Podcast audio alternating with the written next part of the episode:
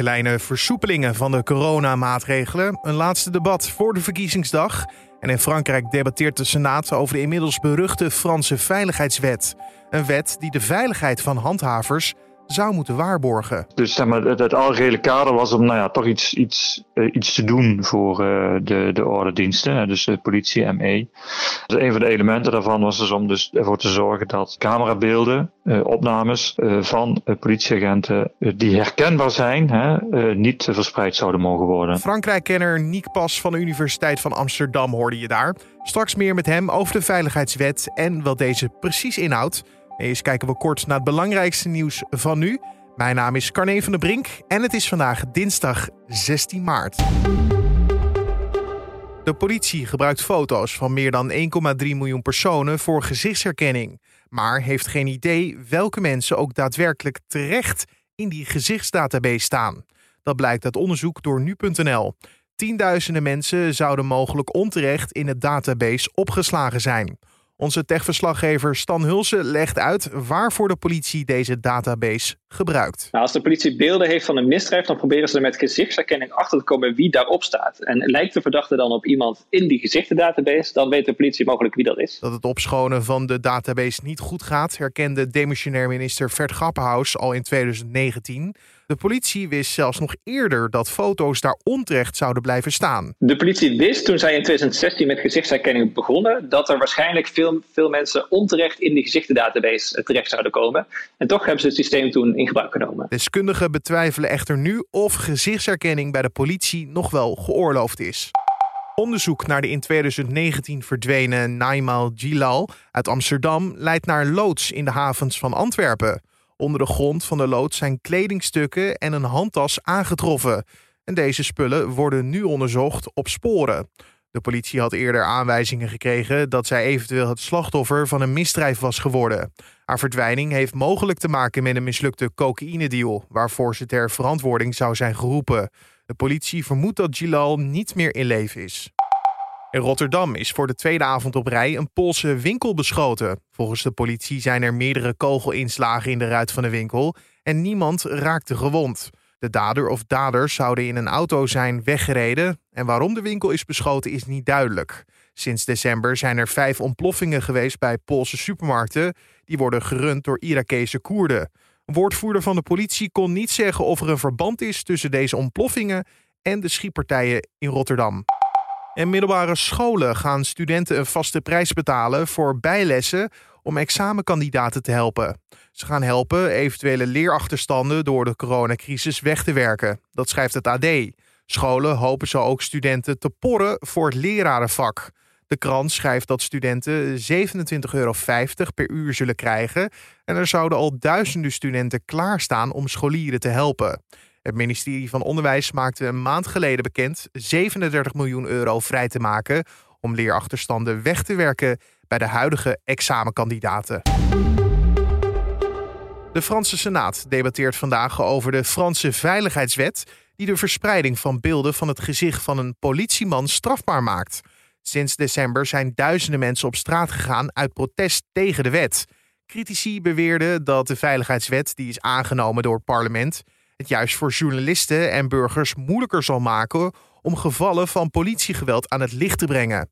Collega Julien Dom belde hierover met Frankrijk-kenner Niek Pas van de Universiteit van Amsterdam. Ja, dus die uh, veiligheidswet, uh, loi sécurité globale is erg omstreden bij veel Fransen. Uh, eigenlijk om een paar redenen. In de eerste plaats gaat het erom dat de, die wet bepaalde dat beelden van politieoptreden niet verspreid mochten worden. Omdat de, het geval van dat, dat politie of ordendiensten fysiek dan wel mentaal uh, daar uh, onder zouden kunnen leiden. Dus, dus dat was eigenlijk de gedachte van die wet. Hè. Dus dat is een van de artikelen.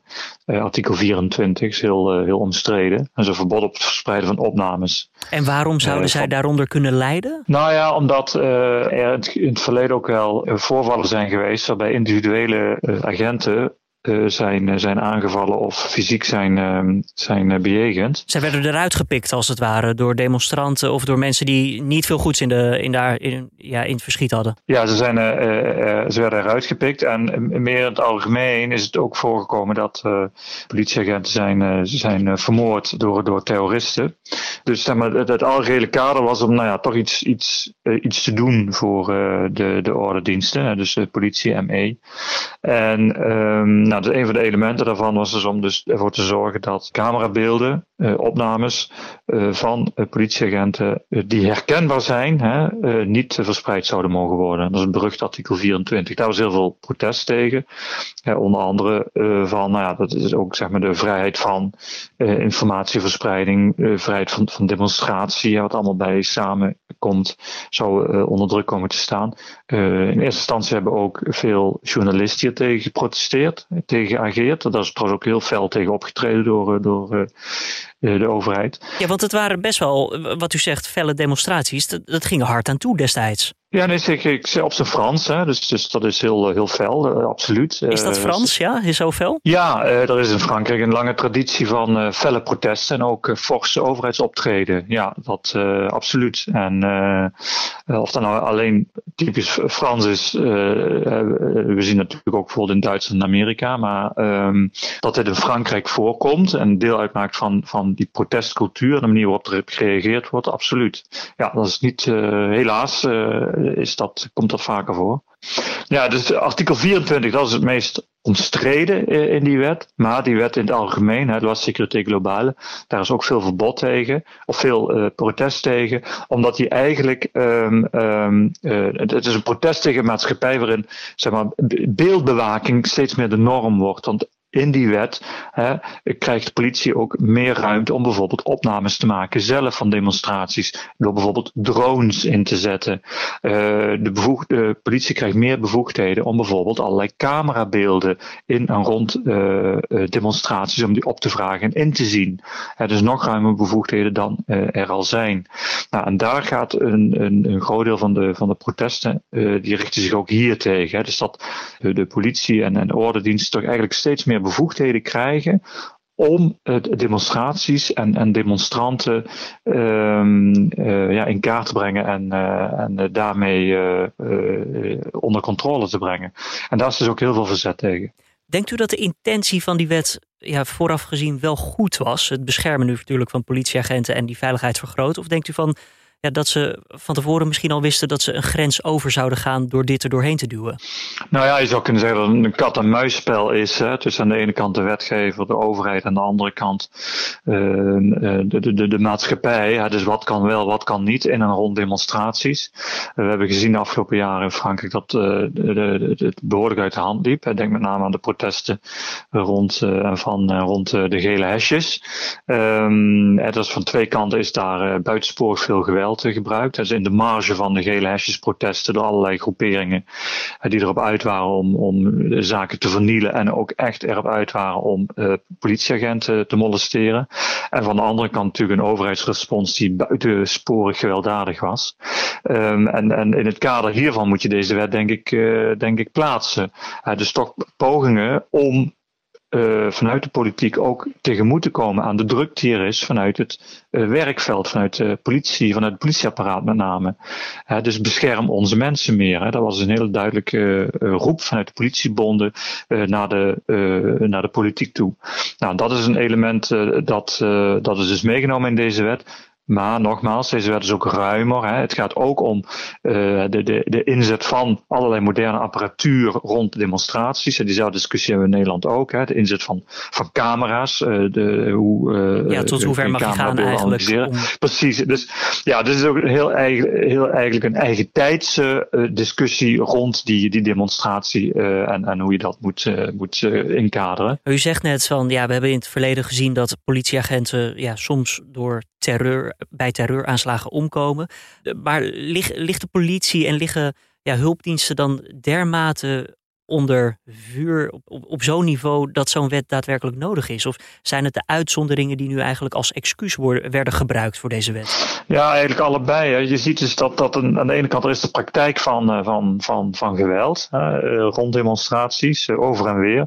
en zeker ook vanuit, vanuit die overheid. Er zijn een aantal spraakmakende en, en dramatische voorvallen geweest. De discussie gaat er nu inderdaad juist om van ja, hoe ver kun je gaan met wetgeving? Wat is nodig, wat is toereikend en, en, en ja, hoe ver kan een overheid daarin gaan? Om het je maar juridisch in te kaderen. Dat is eigenlijk het hele debat op dit moment. En een van de grootste kritieken is dus nu eigenlijk van ja, politiegeweld kunnen we hierdoor niet aan de kaart stellen, omdat het verboden is om in principe te filmen. Want als je een agent filmt, komt die hij of zij al snel herkenbaar in beeld. Ja, dus dan zou dus, zouden beelden geblurred moeten worden, hè, zoals dat dan uh, heet. Uh, we zien trouwens ook dat vanuit de politiek zelf er heel veel uh, weerstand was tegen de wet in de oorspronkelijke vorm. Hè. Zeker dat nogmaals dat artikel 24, dat omstreden artikel. En het, het wetsvoorstel ligt nu, nadat het is aangenomen door de Tweede Kamer, de Franse Assemblée, ligt het nu bij de Senaat. Daar wordt het morgen in behandeling genomen. En uh, de Senaat heeft dat artikel 24 ook herschreven. Dat, dat was ook toegezegd door de minister. Naar van alle protesten, alle commotie. En uh, nou ja, wellicht dat in een, in een afgezwakte vorm uh, alsnog wordt, wordt aangenomen. En wat voor afgezwakte vorm zal dat dan worden? Nou, het grote verschil is dat waar eerst stond dat een, een jaar, maximaal jaar gevangenisstraf en 24.000 eh, euro boete stond op het verspreiden van beelden waarbij dus politieagenten herkenbaar uh, waren. Is dat dat gewoon per definitie strafbaar was. Uh, zou dus nu de formulering zijn aanzetten tot identificatie zou strafbaar worden. Net zoals dat in de wet bepaalt dat aanzetten tot haat strafbaar kan zijn. Dus er is als het ware een armslag ingebouwd uh, in dat artikel 24. Is dit voldoende om de boel tot rust te keren? Nou, we zullen eerst zien wat, wat de Senaat hiermee doet. Hè, in hoeverre dit inderdaad wordt aangenomen. Dan komt die wet nog een keer in uh, de Assemblée, in de Tweede Kamer. Uh, dus dus, nou, dus dat, dat, die procedure die wordt nu gevolgd. Dus er zijn afgelopen weken nog demonstraties geweest tegen de uh, wet, hè, tegen het wetsvoorstel. Uh, enkele tienduizenden Fransen gingen nog de straat op. Nou, ja, dus, dus de, de, de rumoer is wel al enigszins verstomd. Hè. Eind vorig jaar waren dat nog honderdduizenden mensen op straat. Maar goed, we zullen zien hoe die wet verder wordt aangenomen. En vervolgens is er nog altijd de constitutionele raad, hè, die zich buigt over deze wetten. En die dus eventueel kan besluiten om de wet terug te sturen uh, en uh, op die manier zeg maar, tot, tot aanpassingen kan leiden. Ja, dat is in het verleden ook al gebeurd. Dus het is zeker nog niet uh, gezegd en geschreven dat deze wet, zelfs de aanpassingen die er nu zijn, erdoor komt. Dan ja, als laatste vraag nog eventjes als kijken. Deze wet komt uit de koker van de regering van president Macron. Hoe straalt deze affaire op hem af? Wordt hem dit aangerekend dat dit zo verkeerd is opgepakt? Of Um, zijn mensen eigenlijk wel tevreden dat hij nu de wet aanpast? Nou, um, zeker vanuit, uh, vanuit uh, links uh, niet. Hè. Er is al langer groeiende onvrede over de verrechtsing van de regering Macron. die is een aantal jaren geleden ingezet. En er is ook al groeiende kritiek op dat, dat Macron het, nou het, het, het, linker smaldeel van, van, van, van, de, van de kiezers eigenlijk toch heeft laten liggen. En zich toch veel meer richt op, op rechts er is ook uh, de zeer omstreden uh, wet uh, over de, de, islamisering, hè, die tot heel veel onrust heeft geleid. hetzelfde geldt voor de wet op aangeschermd asielbeleid. nou, allemaal indicaties dat, nou, dat er verrechtsing heeft plaatsgevonden in zijn beleid. En dat wordt hem ook zeer kwalijk genomen onder grote delen van het electoraat. Um, en dat wordt onder meer uitgelegd door te wijzen naar, naar de presidentsverkiezingen een jaar. Dus dat Macron zich toch al aan het voorpositioneren is op die verkiezingen.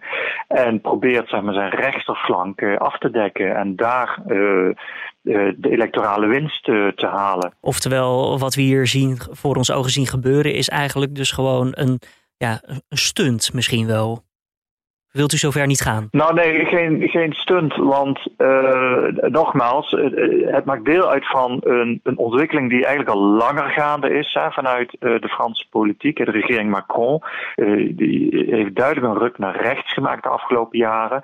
En dus deze wet, waarbij dus die heel sterk en is ook het beschermen van, van politie en ordendiensten en, en het politieapparaat, maakt daar deel van uit. dus is zeker geen, geen, geen stunt. Um, uh, we zien er langer aanzetten tot, uh, tot, deze, uh, tot dit, deze vorm van beleid. Ik denk dat we dit kunnen verklaren door te kijken naar de presidentsverkiezingen die er nu heel snel aankomen, hè, volgend jaar al, rond deze tijd. Um, en Macron heeft de, analyse gemaakt dat er in het, bij het linker electoraat dat er weinig winst te behalen valt. Dus hij wil vooral de rechterflank afdekken. Hij wil zich daarop richten. En voor, dus de maatregelen die zijn afgekondigd hè, rond deze wet, maar ook eh, eerdere eh, wetgevingen, die moeten we in dat licht eh, analyseren. Ja, nee, dus, dus deze maatregelen maken, deel uit van een politieke strategie die onder Macron een aantal jaren geleden is, is ingezet, is uitgezet, met als doel volgend jaar natuurlijk die presidentsverkiezingen te winnen. En ehm, zijn, zijn analyse is dat hij die presidentsverkiezingen kan winnen door zich te richten op het rechterdeel van het electoraat. Frankrijk-kenner Niek Pas van de Universiteit van Amsterdam hoorde je daar over de Franse veiligheidswet die voor veel discussie zorgt. En wat staat er verder nog te gebeuren? Een aantal coronamaatregelen worden vandaag iets versoepeld. Grote winkels mogen meer klanten ontvangen, dat samenhangt met een vloeroppervlakte. Bezoekers moeten nog wel een afspraak maken. Daarnaast wordt het inreisverbod wat minder strikt. Mogen kinderen tot met 12 jaar weer naar zwemles en mogen rijscholen hun lessen hervatten. Na een vermoeiende laatste campagneweek moeten de lijsttrekkers hun debatvaardigheden nog een laatste keer van stal halen voor het slotdebat van de NOS. Daarnaast staan steeds twee leiders van grotere partijen tegenover elkaar, zoals Rutte tegen Hoekstra en Wilders versus Kaag. En het debat begint vanavond om half negen. En de Belgische staat moet het eigen klimaatbeleid vandaag verdedigen in de rechtszaal in Brussel. De actiegroep Klimaatzaak heeft een zaak aangespannen naar voorbeeld van de Urgenda, de groep die ervoor zorgde dat de CO2-uitstoot in Nederland op last van de rechter omlaag moest. De Belgische groep wil alle Belgische overheden ook dwingen de internationale gemaakte afspraken na te leven. En de eerste tien dagen van het proces zijn ingeruimd voor pleidooien van alle betrokken partijen. Wat voor weer wordt het vandaag? Je hoort het van Weerplaza's Wouter van Bernebeek. Af en toe schijnt de zon, vooral in de oostelijke helft van het land, maar geleidelijk neemt de bewolking overal verder toe. En later in de middag volgt in het westen af en toe wat lichte regen of motregen. De temperatuur loopt op naar een graad of 8 en daarbij staat een meest matige wind uit de noordwestelijke richting. Vanavond en vannacht blijft het bewolkt en af en toe wat regenachtig en de temperatuur zakt daarbij niet veel verder dan een graad of 3. Morgenochtend kan in het oosten eerst nog wat regen vallen, maar al snel wordt het overal droog en breekt de zon geleidelijk door. De middagtemperatuur komt opnieuw uit rond de graad of 8 en de wind draait geleidelijk naar het noorden tot noordoosten. De dagen daarna krijgt de zon steeds meer ruimte, maar het wordt wel kouder, met in de nacht de kans op vorst. Dankjewel Wouter van Bernebeek van Weerplaza. En dan zijn we alweer aan het einde gekomen van deze podcast voor de dinsdag 16 maart. Je kan de podcast veel beter maken door ons te helpen met feedback, vragen of suggesties. Die door te mailen naar ons mailadres podcast.nu.nl podcast.nu.nl Zet erin wat je goed vindt aan de podcast, wat je beter zou willen zien. Uh, of uh, misschien heb je suggesties waar we een keer aandacht aan kunnen besteden. Laat ons weten via een mailtje naar podcast.nu.nl Mijn naam is Carne van der Brink. Bedankt voor het luisteren en een hele mooie dag.